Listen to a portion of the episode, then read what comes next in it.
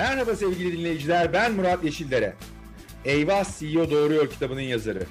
Toplumsal cinsiyet eşitliği aktivisti ve kadrolu podcastimiz. Çalışan kadınların doğurmasını gayet normal karşılayan podcast serimde başarılarıyla ilham veren kadınları konuk olarak ağırlıyorum. Şimdi sıkı durun. Türkiye'nin ilk %100 cinsiyet eşitliği garantili podcastinin bu haftaki konuğu Güliz Öztürk. Güliz hoş geldin. Hoş bulduk Murat. E, efendim Güliz Öztürk hakikaten tarih yazdı. E, sivil havacılık diye geçiyor ama aslına bakarsan havacılık e, dünyasında Türkiye'de ilk kadın CEO. E, Güliz ben senin e, bu başarını tabii ki çok önemsiyorum ama bu podcast'e gelmeden önce şöyle bir baktım. Hani ya bizde böyledir diye. Dünyada da o kadar az ki kadın CEO bu sektörde. Yüzde üç civarında falan olduğunu söylüyorlar benim bulduğum kadarıyla. Doğru mu? Ee, şöyle diyeyim, e, ilk dünyada ilk 100 hava yolu içerisinde e, daha önce e, benden önce e, 6 taneydi. Ben 7. oldum. Sonra benim arkamdan iki hava yolu daha e, CEO'da. 9 e, kadın CEO var ilk Murat. Yüzde dokuz. İlk yüzde dokuz.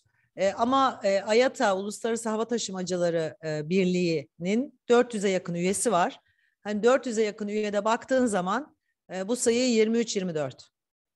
Yani bütün 23, 24 hiçbir şey. Hı hı. Epey az, epey Yani az. Yüzde bir bile değil orada. Ben Epey az. hani bütün bu e, şeye baktığımda 3800 civarında hava yolu olduğunu dünyada Hı. söylüyorlar. Orada yüzde üç civarında bir e, orandan bahsediliyor ama dediğin gibi bunların boyutları birbirinden çok çok farklı. E, bu arada Tabii. da hani bu açıdan ta, e, tebrik ederken bir yandan da e, zannediyorum çok yeni daha İATA e, senin bu ilham veren rolün içinde sana ayrı bir tebrikle gelmiş değil mi? E, evet, geçen e, iki hafta önce Doha'da e, AYATA'nın yine açılımını söyleyeyim, Uluslararası Hava Taşımacıları Birliği, dünyanın işte birçok hava yolunun üye olduğu bir birlik, bir uluslararası bir birlik. Onların iki hafta önce hava yolu genel müdürleri toplantısı vardı. Her sene bir kere oluyor. Bu sene Doha'da oldu. E, dünyadan yaklaşık e, işte tahmin edin böyle bin kişilik falan bir katılım vardı. Bu sene AYATA e, Inspirational Role Model e, ödülü verdi. E, o ödülü aldım e, Doha'da Harika. e, iki hafta önce. E, gerçekten hem gurur verici Murat ama hem de çok büyük bir sorumluluk elbette. Evet ama hani yabancılar diyor ya well deserved fazlasıyla hak edilmiş. Hakikaten hani demin konuştuklarımız çerçevesinde fazlasıyla hak edilmiş bir ilham ödülü. Çok teşekkür ederim. Çok teşekkür ederim. Ben de geldim. Ekip arkadaşlarımla hemen paylaştım. Zaten buradan bunun bir süreci var. Aday gösteriliyorsunuz. Hem e, kariyeriniz ve geldiğiniz nokta itibariyle tabii AYATA bunu değerlendiriyor. Ama aynı zamanda e, şirkette, çalıştığınız e, şirkette sizi e, aday gösteriyor. Dolayısıyla ekip arkadaşlarımın da bu anlamda benim liderliğim, birlikte çalıştığımız çalışma ortamı ile ilgili güzel de bir e, katkıları ve sunumları olmuştu. Onlarla da paylaştım. E, şöyle e, gerçekten ben aslında Murat yani bunu böyle orada da konuşmamda söyledim. Yani şu günleri düşünüyorum tabii. Neden bir kadın CEO olarak anılayım ki? Aslında ben de CEO olarak atandı diye anılmak isterdim. Ve bundan sonraki e, tabii kısa vadede belki olmaz ama bizim sektörde ama orta uzun vadede e, atanan e, insanların yani benim gibi kadınların da ya işte buraya da Güliz Öztürk atandı CEO olarak denmesini çok istiyorum ve hayal ediyorum. Ve böyle bir kadın CEO atandı diye tanımlanması konusu da bir parça beni e, aslında dokunuyor bana ama görüyorum ki e, rol model olmak önemli. İnsanlara örnek olmak önemli. E, dolayısıyla bu sorumluluğu da hissediyorum üzerimde.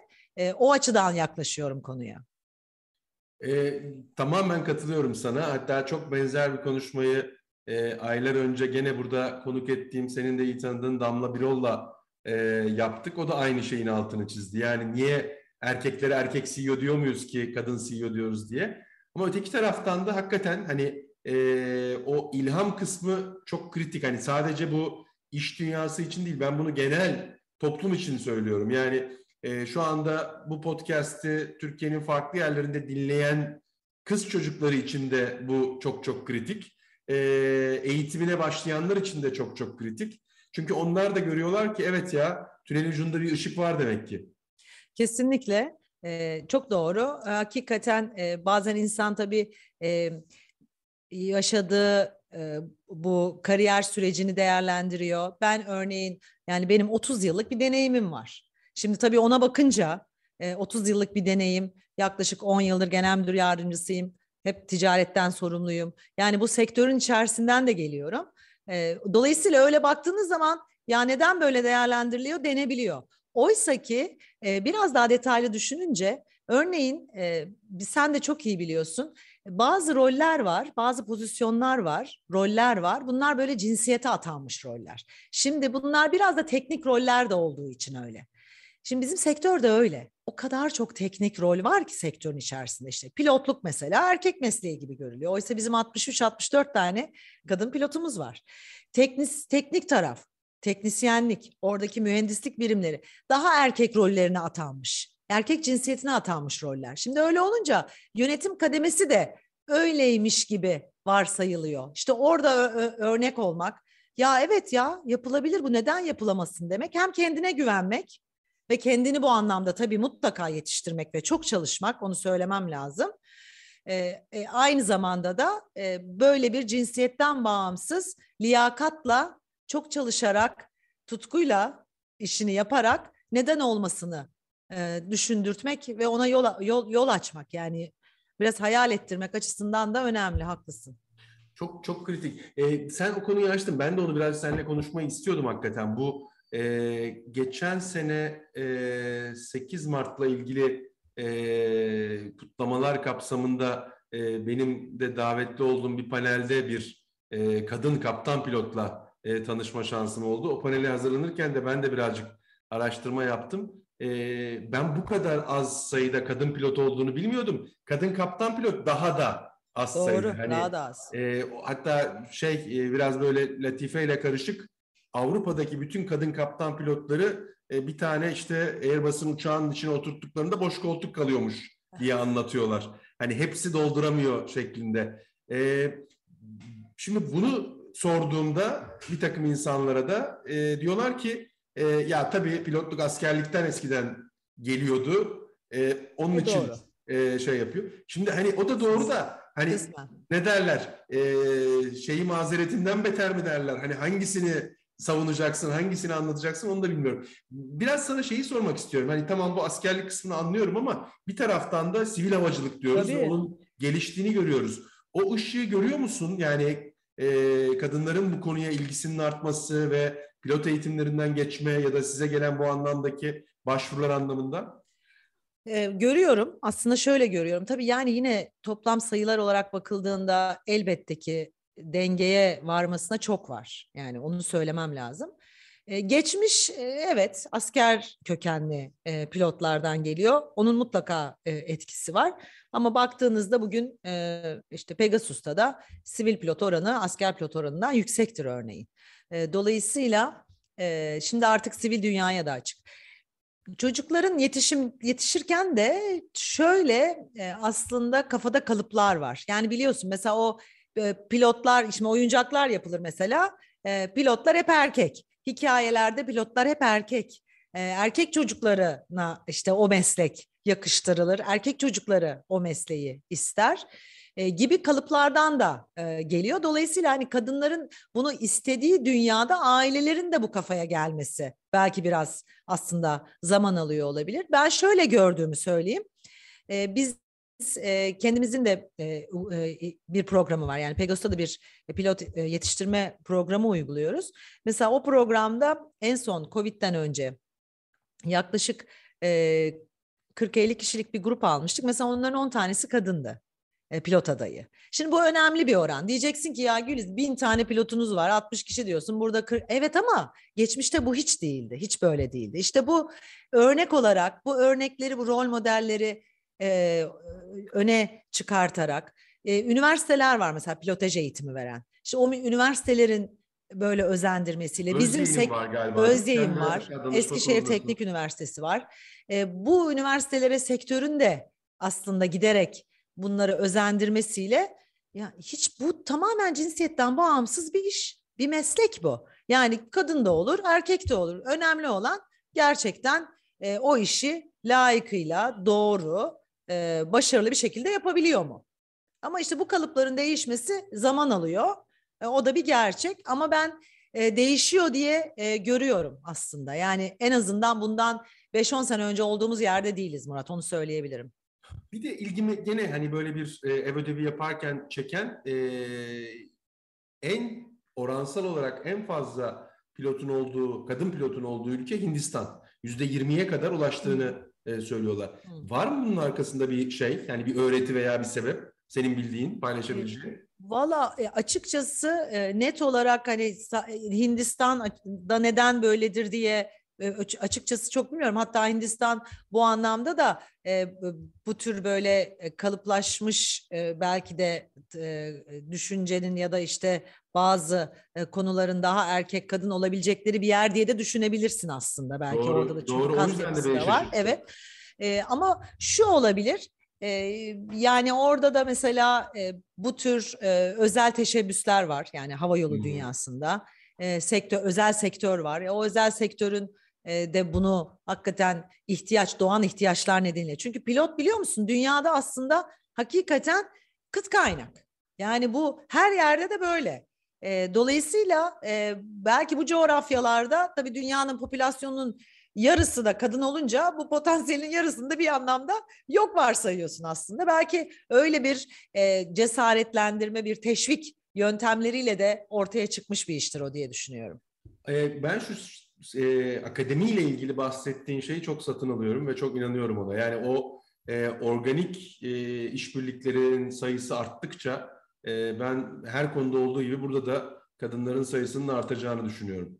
Kesin öyle. Biz mesela içeride yaptığımız çalışmalarda da hatta seninle beraber panelde özellikle teknik taraf için de hatırlar mısın bir e, yine bir kadın teknisyenimiz vardı panelde. Tabii tabii. Çok Mesela sen de demiştin orada. Yani burada sektör işbirliği çok önemli. Mesela sektörün bunu cazip kılması lazım. Belki bunun için el vermesi lazım. Destek olması lazım üniversitelere diye. Ben de mesela onu çok satın almıştım. O günden beri notlarımdadır. Şimdi artık e, yeni e, pozisyonumla beraber de yine burada bir çatı e, stratejisi oluşturuyoruz şimdi. Özellikle toplumsal cinsiyet eşitliği. Çünkü biz şimdi şirkette bu anlamda çok fazla çalışma var. Ben de bireysel olarak e, bu anlamda bu konuda çok çalışıyorum. E, şirketin de e, imza attığı birçok e, hedef var. E, içeride de bununla ilgili yapılan e, e, projeler var. Şimdi onlardan biri nasıl olabilir diye mesela benim de e, notlarımdan biridir o. E, belki oradan devam edelim. Bu sohbeti kayda başlamadan önce, yayından önce e, sen e, önemli bir şey söylüyordun. O da aslında e, kurumsal bir lider olarak kurumsal sorumlulukların dışında da bir takım şeyleri yapmanın yükünü hissettiğini, sorumluluğunu hissettiğini bahsediyordun. E, Dünya Ekonomik Forumu'nun en son e, toplantısında ki pandemi öncesindeki son toplantıda da e, aynı şeyin altı çizilmişti. Dünyadaki problemleri artık kurumsal liderlerin çözmesi gerektiğinin altını kamuoyu kalın çizgilerle çizdi. Bu anlamda e, toplumsal cinsiyet eşitliği bunlardan bir tanesi ki birazdan özellikle bu Sales Network, Women'ın Sales ile ilgili de konuşmak istiyorum ama e, bu demin bahsettiğim kurumsal liderlerin e, dünyanın problemlerini çözme e, yükümlülüğünü üzerine alması ya da onun onlara itilmesiyle ilgili olarak ne söylemek istersin? O konuda çok net şöyle düşünüyorum. Yani sadece kurumsal liderlerin bile değil Murat. Yani bu bir yolculuk. Çünkü burada sizin profesyonel hayatınızda olduğu gibi işte bir takım hedefler koyalım, sonra bunlara koşalım, bu hedefleri gerçekleştirelim, ondan sonra sonuç alalım gibi bulduğunuz bir alan, ihtiyaç duyduğunuz, talebe göre yarattığınız bir dünyada olmuyor. Yani dünyanın dünyada birçok konu var şimdi ilgilenmemiz gereken. Birçok dert var. Bütün dünya ülkelerinin ortak sorunu. Ve oradaki yolculuk da uzun bir yolculuk. Hele toplumsal cinsiyet eşitliği gerçekten uzun bir yolculuk. Şimdi bazı böyle rakamlar var ya dünyada kadın erkek dengesinin iş dünyasında bir ara, ya, dengeye gelmesi için 135 yıl gerekiyor deniyor mesela. Yani globalde demek istiyorum. Şimdi öyle bakınca bu esasen yani gerçekten it's a matter of heart. Yani kalbini koyacaksın bu işe. Çünkü bugünden yarına kısa vadede sonuç al, alacağın bir iş de değil. Şimdi ben o nedenle tabii kurumsal liderler etki alanları geniş olduğu için önemli. Mutlaka bireysel olarak toplumsal fayda yaratacak bu veya başka alanlarda çalışmalı. Şirketlerin de bu anlamda e, öncülük edecek hale getirmeli. Belki kaynak ayırmalı.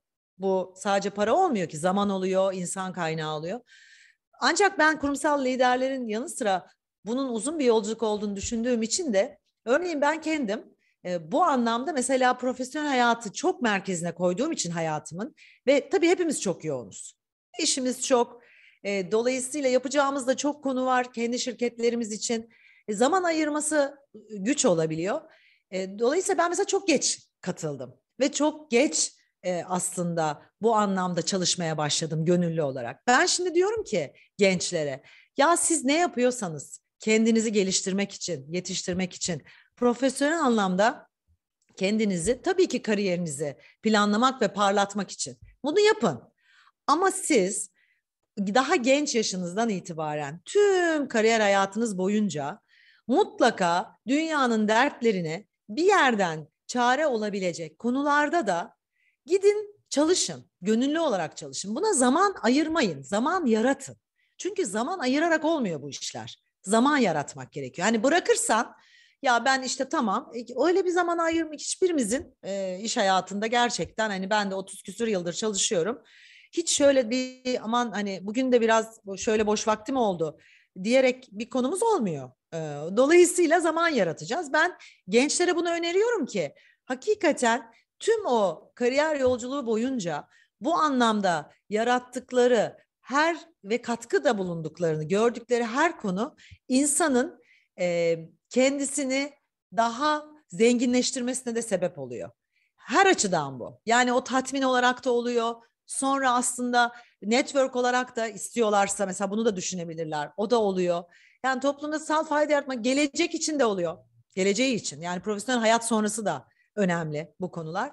E, e, bir de bu dünyada yaşıyoruz. Geleceğimiz çocuklarımızın e, o nedenle hani kurumsal e, liderliğe eriştikleri gün de bu anlamda e, yaratmış oldukları e, her neyse sonuç veya e, harcadıkları çabanın da aslında o noktadan sonra e, sonucunu da görüyor olacaklar. O nedenle çok önemsiyorum. Gençlere çok tavsiye ediyorum Murat. Üniversitelerde konuştuğumda da söylüyorum özellikle. Çok çok önemli bir şey söylüyorsun. Yani ben seni dinlerken aklımdan şey geçiyordu. Biz mesela e, yönetim kurullarında e, atama yapmak üzere profesyonel e, yöneticilere teklif götürdüğümüzde icranın içinde olan profesyonellere e, işverenleri e, bu tip teklifleri kabul etmelerinin önünde duruyordu. Engel oluyordu onlara. E, halbuki hani senin söylediğin gibi bireylerin gelişimi açısından da hani o beynin farklı kıvrımlarının çalıştırılması açısından da farklı şeylere ihtiyaç var. Bu dediğin gibi Tabii e, ki. sivil toplum, baskı grupları, temsil grupları, yönetim kurulları hepsinin Hepsi. aslında bireyin gelişiminde kasları çalıştırmada çok büyük bir önemi var. E, bunu da özellikle hani genç yaşlardan itibaren bir de öyle bir şey var ya hepimizde hani e, hani bir gün şuraya bir gün geleyim, yaparım. şuraya geleyim, şuraya geleyim o hiçbir zaman gelmiyorsun oraya. O sürekli devam ediyor. Hayır hiçbir zaman gelmiyor. O vakit hiçbir zaman gelmiyor. Dolayısıyla daha genç yaşlarda olduğu zaman da e, bir kere o gençliğin farklı e, bakış açısıyla, vizyonuyla, enerjisiyle katacakları o kadar farklı ki. E, o nedenle bir de kendileri de böyle bir yaşam tarzı haline getirip buna zaman yarattıklarında da atıyorum 40 yaşına geldim, 50 yaşına geldim. O zaman bunları yapayıma gelmek geldiklerinde zaten aslında öyle yaşayarak da gelmiş olacaklar. O nedenle bu gerçekten çok önemli. Aksi halde yani hepimiz konuşuyoruz. Bu da olsa, şu da olsa, şöyle de değişse, böyle de değişse dünya diye. E, ama e, dünya sen oturduğun zaman senin durduğun yerde bir başkalarının onu yaparak değişmesini beklemek de pek e, haklı bir durum olmuyor. Yok kesinlikle, kesinlikle. Ee, birazcık demin hani park ettiğim bu Sales Network ve Women in Sales konusunu da e, konuşmak istiyorum. Çünkü e, hani ortak dostumuz Ergün'ün e, evet. tohumlarını attığı evet. ve e, şu anda geldiği yer itibariyle de hakikaten o demin konuştuğumuz ilham veren inisiyatiflerden bir tanesi. Sen yani. de Women in Sales'ın kurucu başkanlığını yaparak başladın. Bize evet. hani birazcık kısaca bir tarihçe ve şu anda geldiği yeri birazcık bu inisiyatifini anlatır mısın? Arkasında neler var? Öyle tabii seve seve anlatırım. Çok da gerçekten gurur duyduğum, e, anlatırken bile e, enerjimin yükseldiği bir e, e, bir iş ya da bulunduğum bir ekosistem diyeyim Sales Network için. Ben Sales Network ile 2019'da tanıştım. Aslında 2016 yılında kurulmuş bir platform. E, o dönem kurulduğunda kurucusu Ergün Güler. Onu da buradan anmış olalım sevgili arkadaşımız Ergün'ü. E, hakikaten çok vizyoner e, ve e, böyle insana ilham veren e, yaratıcı birisi yani. Hani hep söylüyorum ona. E, dolayısıyla 2016'da aslında satış fonksiyonunun gençlere tanıtılması ve e, satış fonksiyonunun da e, bir anlamda e, o, hak ettiği e, değeri de bulması için e, kurulmuş bir platform. Çünkü o dönem işte pazarlama tarafı var, işte finansla HR ayrı böyle ekosistemler var. Ama satışın, satış ekiplerinin, satış profesyonellerinin bir araya gelerek hem bunu gençlere tanıttığı hem satış fonksiyonuyla ilgili networking yaptığı bir platform yok. Aslında Ergün'ün de hedefi bu alanda. Sonra hakikaten öyle başlıyor 2016'da. Biz 2019'da e, tanıştığımızda e, bu defa e, şöyle bir konu e, Ergün şöyle bir konuyla geldi. Ya dedi ki biz dünyada ve Türkiye'de de öyle ama Türkiye'de o zaman e, çok fazla bu anlamda rakam yoktu. E, biz şimdi onun anketlerini de yapıyoruz, veri de topluyoruz. Dünyada tedarik zincirinden sonra kadın erkek dengesinin kadınların aleyhine olduğu en fazla aleyhine olduğu alan satış. Dolayısıyla e, biz de satış alanını, satış fonksiyonunu sahiplenen bir e, platform, bir oluşum olarak Sales Network e, bu anlamda çalışalım istiyorum. Gelir misin beraber Women in Sales Network sosyal projesini başlatalım. Aslında bir platform olarak o zaman başlatalım diye konuşmuştuk. E, ve eş başkanlık. Çünkü hem zaten biz hiçbir zaman sadece kadından bahsetmedik. E, Women in Sales Network'te. Biz hep kadın erkek dengesinden bahsediyoruz. Dolayısıyla 2019'da başlattığımız e, bir e, sosyal proje. Sales Network e, o dönem e, yine çatı platformu e, ve onun altında e, yürüyen bir iş. İlk yıl daha çok Women in Sales Network'ü aslında bilinirliğini arttırmak için çalıştık. E, ve destekçi daha çok kurumsal şirketlerden e, destekçi bularak. Çünkü oradaki amaç da şu. Biz şimdi nasıl anlatacağız kadınlara satış mesleğini ki burada dengeyi bulalım. E burada bir kere en çok önemli üniversite bacağı. E ikincisi kurumlar tabii ki. Şirketlerde farkındalık, bireylerde farkındalık yaratmak. Dolayısıyla o dönem e, yaklaşık 50'den fazla e, destekçiyle, kurumsal destekçiyle Women in Sales Network tarafında neler yapabileceğimizi, nasıl büyütebileceğimizi hep konuştuk. E, üniversitelerle işbirlikleri yaptık, üniversite kulüpleriyle, ondan fazla üniversite e, kulübüyle. E, orada e, birçok e, hem fiziksel buluşmalar, rol model e, böyle webinarları ya o zaman fiziksel buluşmalar da vardı tabii. Fiziksel buluşmalarla aslında satış mesleğini tanıtalım istedik. Hem gençlere hem kadınlara. Sonra e, tabii ondan sonra bir Covid dönemi yaşadık 2020'de. E, 2020'de ama online tarafta yine devam etti tüm süreç. Sonra 2021 itibariyle Women in Sales Network sosyal projesini farklı bir e, faz sa evrildik diyeyim. Aslında bir dönüşümden geçti. Bu arada Sales Network de çatı platformu olarak aslında markalaşma e, ve e, içerisinde yer alan şirketler mesela daha FMCG perakende ağırlıklıydı ben ilk tanıştığımda. Sonra biz şimdi 100 plus üyemiz var bizim Sales Network'ün kurumsal üyesi. Yani 30'dan fazla belki sektör olabilir içinde. Çok çeşitlilik barındıran e, harika bir ekosisteme dönüştü e, Sales Network'te ve şimdi artık bu yıl da 2023'te esasen daha da fazla bunu e, görüyor olacaksınız. Aslında bir globalde de yani Londra tarafını açıyoruz ondan sonra farklı e, coğrafyalarda da düşünüyoruz Sales Network'ü e, yaymayı. E, dolayısıyla Sales Network büyürken ve etki alanında genişlerken e, aynı zamanda 2021 başı itibariyle Women in Sales Network'ü de bu da Sales Network'ün bir sosyal projesidir deyip bu defa bir program partnerliği statüsü başlattık. Ha oradaki amacımız şuydu. Tamam awareness, bilinirlik, farkındalık okey ama şimdi e, bizim yanımızda olacak e, yine şirketlerle e, bu arada Sales Network'ün de Türkiye'nin önde gelen markaları içerisinde. Global veya lokal. Hakikaten çok önemli markalar var ekosistemin içinde. Dedik ya biz birlikte bir söz verelim. Yani bu Women in Sales Network sosyal projesine ben partnerim arkadaşım diyen şirket gelsin desin ki mesela ben e, e, üniversitedeki kız öğrencilere satışta staj imkanı sağlayacağım. Ve o staj imkanı çerçevesinde eğer yine satış mesleğini tanıtacak farklı projeler yapıyorlarsa da o projeleri de duyalım. Ki böylece büyütelim. Başka türlü o etki alanının bu tür hedefler koymayınca Murat biliyorsun mesele büyümüyor. Oysa bizim yapmak istediğimiz ne? Hedefimizi koyalım, ölçelim nereye geldik. Ondan sonra yeni başka neler yapabiliriz? Nasıl bu meseleyi daha fazla insana duyurabiliriz diye. 2021 aslında böyle bir yıl oldu. Şimdi 40'a yakın program partnerimiz var. Örneğin 158 tane kız öğrenciye satış alanında staj imkanı sağladık geçen sene. Bu sene bu sayı 250'yi geçecek. Harika. Şimdi bu önemli. Çünkü onlar aslında satışı da üniversitede de bilmiyorlar. Satış ne, pazarlama ne? Satış değişti. Bambaşka kategoriler var. Dijitale dönüştü. Dolayısıyla zaten de cinsiyetten bağımsız bir meslek aslında. Ee, onları bu anlamda satış mesleğiyle tanıştırmak için de hakikaten program partnerlerimizle birlikte e, son derece önemli adımlar attık diyebilirim. Bu arada tabii mentorluk programları yürütüyoruz. Gençlere mentorluk, satış mesleğindeki kadın profesyonellere mentörlük, tersine mentörlük gibi e, yaklaşık 70'e yakında mentimiz oldu. E, bu tabii 2020'den beri uyguladığımız bir program. Bu yılın pro, yine mentörlük programında sen de zaten onlardan birisin. Birçok webinar yapıyoruz. İşte dediğim gibi rol modelleri tanıtacak veya bu alanda yani toplumsal cinsiyet eşitliği nedir?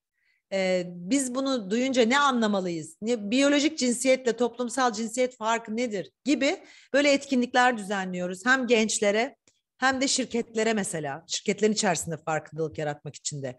Şirketlere de bizim özellikle kurumsal üyelerimize e, gidiyoruz ve onlara anlatıyoruz. Ben de e, bu e, şahane, bana gerçekten ilham veren e, e, bu hem bu ekosistem içinde hem de içinde bulunan e, diğer arkadaşlarımla birlikte ee, çok mutluyum gerçekten katkı sağlayabildiğime.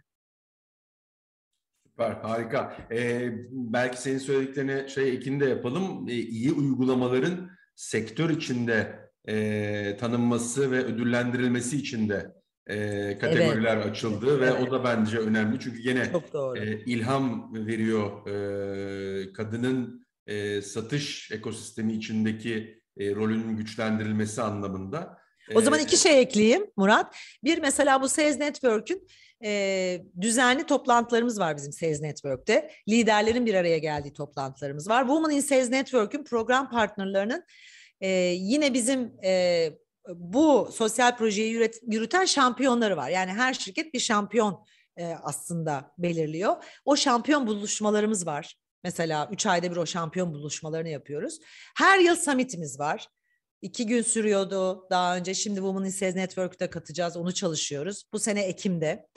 E, bu summit'te gerçekten bambaşka birçok bir konuyu ele alıyoruz. Hem bu tür konuları ele alıyoruz. Toplumsal cinsiyet eşitliği konularını, sustainability işimiz var. Orada hedeflerimiz var. Çevreyle ilgili projelerimiz var. Bir de e, hem e, summit'te hem de summit dışı da BOSA dediğimiz ödüllerimiz var. Dediğin gibi Best of Sales Awards. Orada da iyi örnekleri, iyi projeleri e, ve e, liderleri, LISA var bir de, liderleri ödüllendirdiğimiz. Onu da niye yapıyor aslında Sales Network? Şunun için yapıyor. Senin de çok iyi e, tariflediğin gibi. Ya örnek olsun, ilham versin ve bu iş büyütsün, büyüsün. Etki alanı büyüsün. Bunun için yapıyor. Hakikaten bu sene de şimdi e, devam ediyoruz ona. Bundan sonra da hatta globalde de devam ediyor olacak. E, ben senin bahsettiğin bu e, mentorluk e, kısmını hem mentorluk hem tersine mentorluk e, önemsiyorum. Özellikle de toplumsal cinsiyet eşitliği açısından da e, kritik e, bir e, adım e, olduğu düşüncesindeyim o sürece girmenin. Çünkü aslında iki taraflı olarak bakıldığında iki tarafta gelişiyor. Yani hani biz mentorluğu genellikle bir tarafın kendi bilgi, tecrübe, görgüsünü öbür tarafa aktarması olarak bakıyoruz ama bu tersine mentorluk olmasa da sen de hani e, mentorlar arasında yer aldığın için bu veya benzeri programlarda. E, burada genelde e, konuk ettiğim e, kadın liderlere e, sorduğum sorulardan bir tanesi de konuştuğumuz konu yani toplumsal cinsiyet eşitliği aslında bir erkek meselesi. Yani erkeklerin zihninin, dilinin, gönlünün değişmesi lazım ki biz bunu aşalım. Hani bunu kabul olarak kenara koyalım. Bununla birlikte senin mentorluk yaptığın e, genç profesyoneller açısından baktığında e, kadınlar özellikle kariyer, iş hayatı açısından bakıldığında farklı bir şey yapabilirler mi sence bu yolculuğu daha renklendirmek veya hızlandırmak adına? Evet ben de uzun e, süredir mentorluk yapıyorum. Hem e, Sales Network içerisinde yapıyorum şu anda. E, ama daha önce de farklı programlarda da mentorluk yaptım. Ha, bu arada kendim de mentorluk aldım tabii. Dolayısıyla e, sana şöyle çok katılıyorum. Ben mentor olarak da çok faydalanıyorum mentilerimden. E, umuyorum onlar da benden. E, ama e, aynı zamanda masanın öbür tarafında kendim menti, menti olduğumda da ne kadar faydalandığımı gördüm. Çünkü o zaman bu bu gerçekten e, çok e, önemli bir e, yani ne diyeyim sana eski Türkçe müessese. Hakikaten çok önemli bir kurgu. Fakat bu kurgunun e, biz mesela Sales Network'te onu özellikle yapıyoruz. Bu bunun iyi kurgulanmış olması gerekiyor.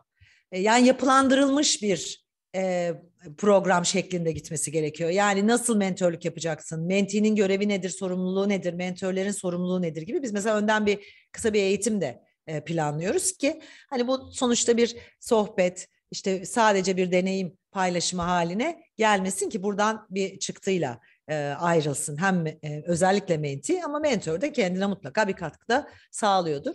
Şimdi ben e, şöyle genç profesyonellerde ya da kadın profesyonellerde e, kendimde de gördüğüm bir şeyi söyleyeceğim. Yani sadece uzaktan bakarak değil. E, şu oluyor. Yani e, bir görevi ya da bir pozisyonu değerlendirirken veya kariyer basamaklarını tırmanırken e, orada bir ya ben bunu e, nasıl yaparım sorusunu çok fazla soruyor kadınlar kendine.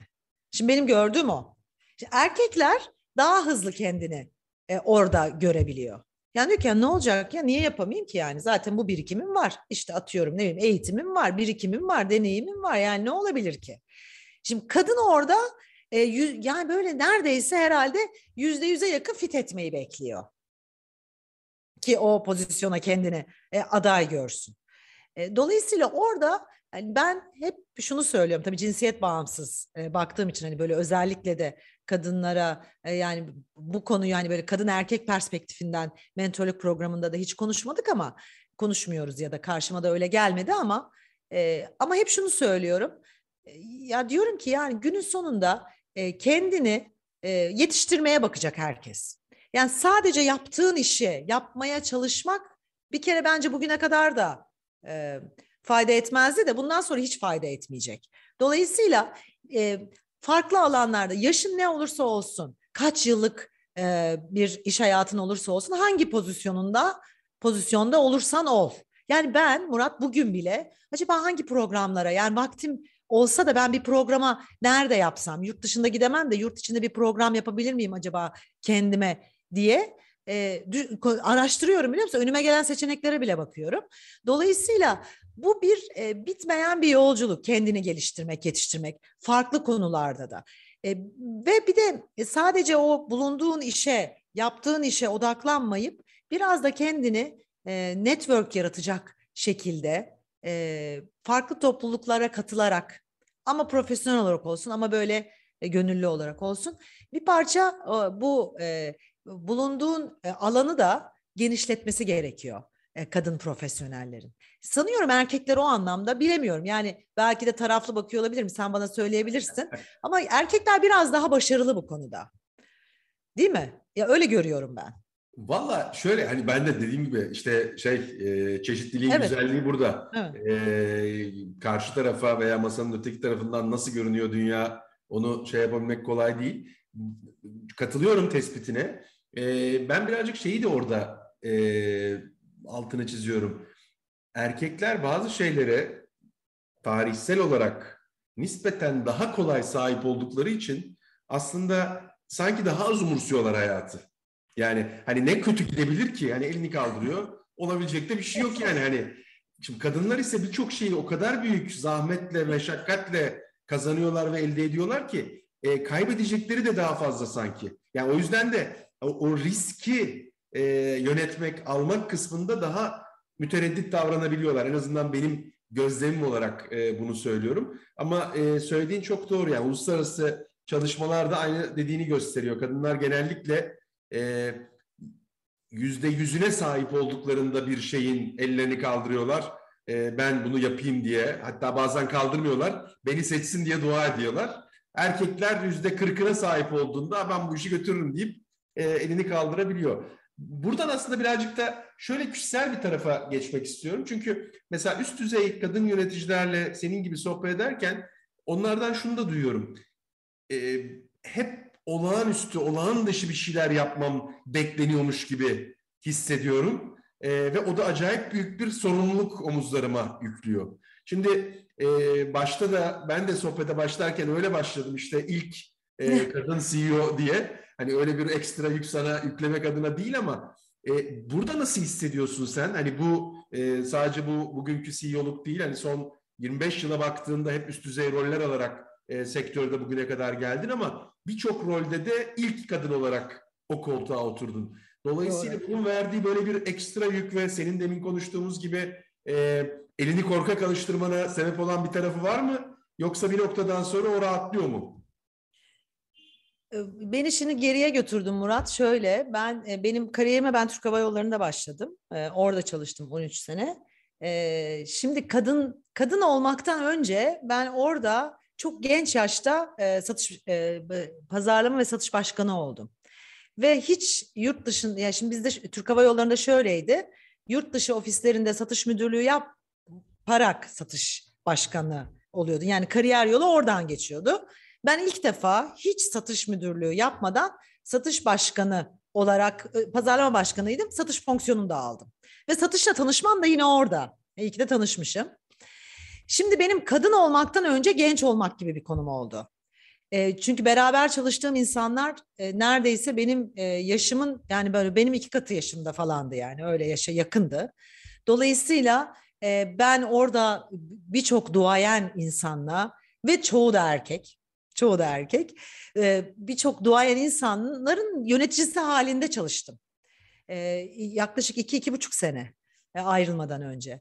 Şimdi orada kadın olmaktan öte genç olmak, deneyimler şimdi benim deneyimim orada daha 7-8 sene, arka, diğerlerinin deneyimi 25 sene e, gibi bir konular vardı benim için ajandamın daha ön sırasında. Dolayısıyla ben e, orada e, bu yarışa girmeden insanları birlikte takım çalışmasıyla nasıl yaparız? Hiç ego yapmadan, söylediklerinden rahatsız olmadan ben de onlara beraber iş yaparken hedefe koşalım diye nasıl davranmam, nasıl konuşmam lazımı çok pratik ettim.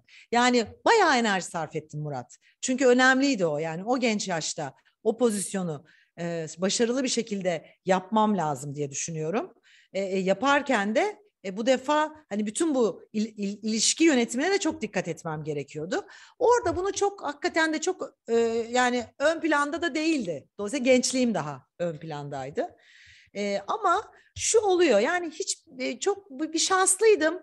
Belki böyle çok fazla kadın erkek ayrımı e, yani cinsiyet üzerinden konuşulan e, bir ortam e, çok fazla yaşamadım diyeyim ama çok er, yani çok erkek ortamı. Tabii çok erkek domine bir sektör bizimki. Dolayısıyla hep bulunduğum ortamlarda, toplantılarda biz ya bir ya iki kadındık e, örneğin. E, dolayısıyla e, şirket e, üst yönetiminde de baktığında öyle. E, ben e, aslında yani bunu ekstra bir sorumluluk olarak da görmedim. Ben pek dezavantajlarına galiba konsantre olmamışım bu konunun. Aslında şimdi geriye dönüp baktığımda bazı konuların biraz cinsiyet bağımlı olduğunu görebiliyorum Murat. Ama bugün o gün onu hiç o perspektiften görmemişim. Aslında şimdi de hep tavsiye ettiğim de o oluyor. Diyorum ki ya dezavantajlarına ilgilenmeyin. Yani oraya odaklanmayın. Ya işte kadın olduğum için mi böyle eyvah ben şimdi şöyle konuşmam lazım. Böyle davranmam lazım. Ya da ne bileyim bir topluma gir, ortama giriyorsun.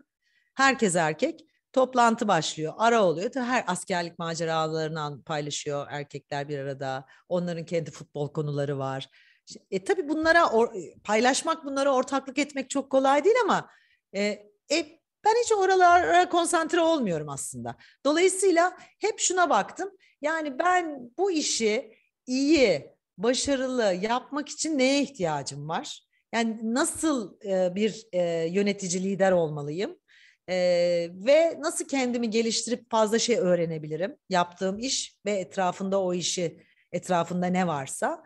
Genelde buna konsantre oldum. Dolayısıyla yani ya bu sektörde kadın az, e, benim böyle bir imkanım olabilir mi? Bu fırsat bana verilir mi, verilmez mi gibi işin dezavantajlı tarafına e, pek de odaklandım diyemem. Ama belki de şanslıydım. Aslında hani bana bu yaşatılmadı çok da fazla diye de düşünüyorum. Yani haksızlık da etmeyeyim şimdi tabii kimseye. Peki e, yavaş yavaş e, süremizin de sonuna yaklaşıyoruz. Bir de birazcık şeyi sormak istiyorum. E, özellikle bu bilinçsiz e, ön yargılar konusu da toplumsal cinsiyet eşitliğini konuştuğumuzda e, çok önemli e, konulardan bir tanesi ve hepimiz o bilinçsiz ön yargıların esiri olabiliyoruz zaman zaman veya hayatlarımızın belli döneminde.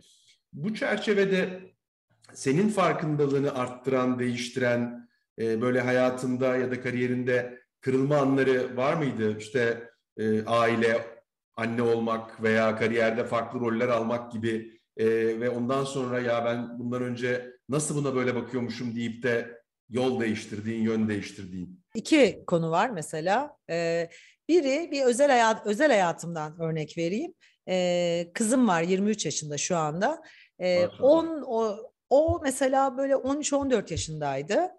Ee, ve yine bizim e, yani arkadaş çevremiz işte bazı bir, bir kısım insanların e, kız çocukları bir kısım insanların erkek çocukları var.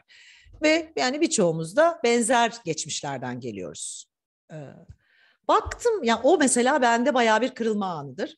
Baktım sosyal hayat olsun, eğitim hayatı olsun, seçeceği meslek olsun, tavır davranış olsun. O bizimle aynı yollardan yürümüş, büyümüş, okumuş, gelmiş insanların erkek çocukları olunca başka türlü konuşuyorlar. Kız çocukları olunca başka türlü. Bu mesela benim için bir kırılma anıydı. Dedim ki ya nasıl böyle bir şey olabilir ya? Ya mesela bu konu ondan sonra benim dilimi değiştirmeme, bazı olaylara bakış açıma, e, çünkü hepimizde kalıplaşmış düşünceler var. Belki bende de vardı o kırılma anına kadar. Ben de öyle davranıyordum bazı konularda.